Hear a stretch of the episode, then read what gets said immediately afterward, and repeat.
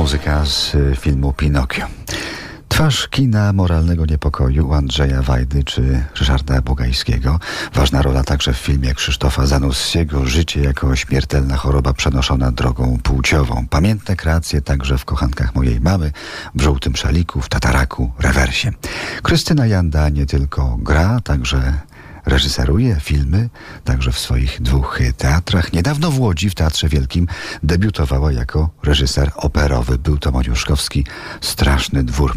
Operę Krystyna Janda kocha od dawna miłością, jaka nie pozwala na inscenizacyjne ekscesy, jakie na przykład proponowała niedawno pewna reżyserka w Operze Narodowej. A że pani Krystyna bezpośrednia rodziców małoletnich słuchaczy, proszę teraz o superwizję.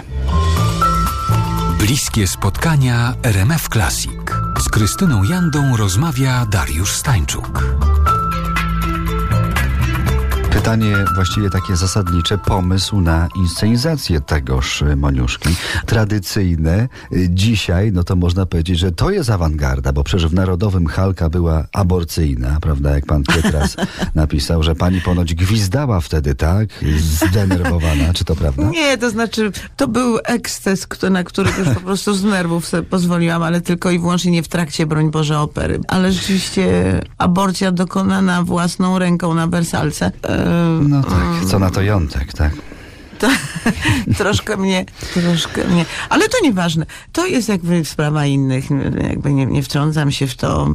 Ja też mam takie uczucie, że jestem z pokolenia odchodzącego. I... Znaczy na taki trakt, rozumiem, by pani nie weszła jednak tutaj. Nie, dlatego, że nie mam w ogóle takiej wyobraźni. Dla mnie to wszystko coś więcej znaczy jednak.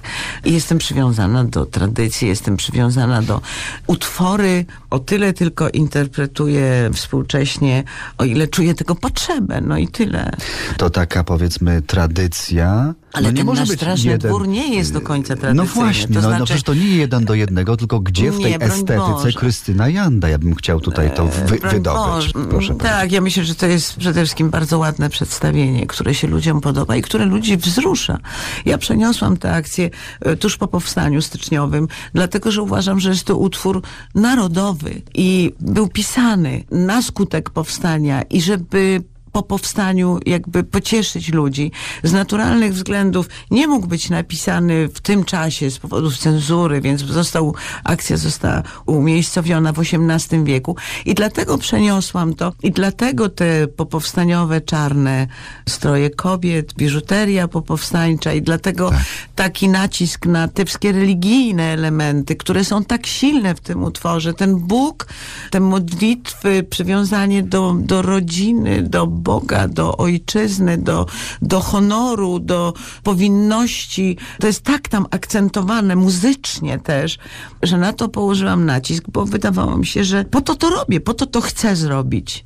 Że ja nie czuję się ani jakąś nadzwyczajną patriotką, ani jakąś specjalnie...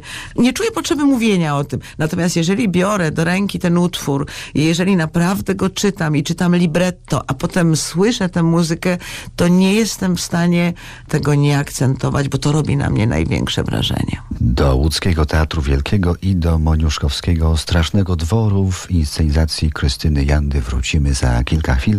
To są bliskie spotkania w RMF Classic. Teraz muzyka Daniel Elfmana z filmu Frankenweenie.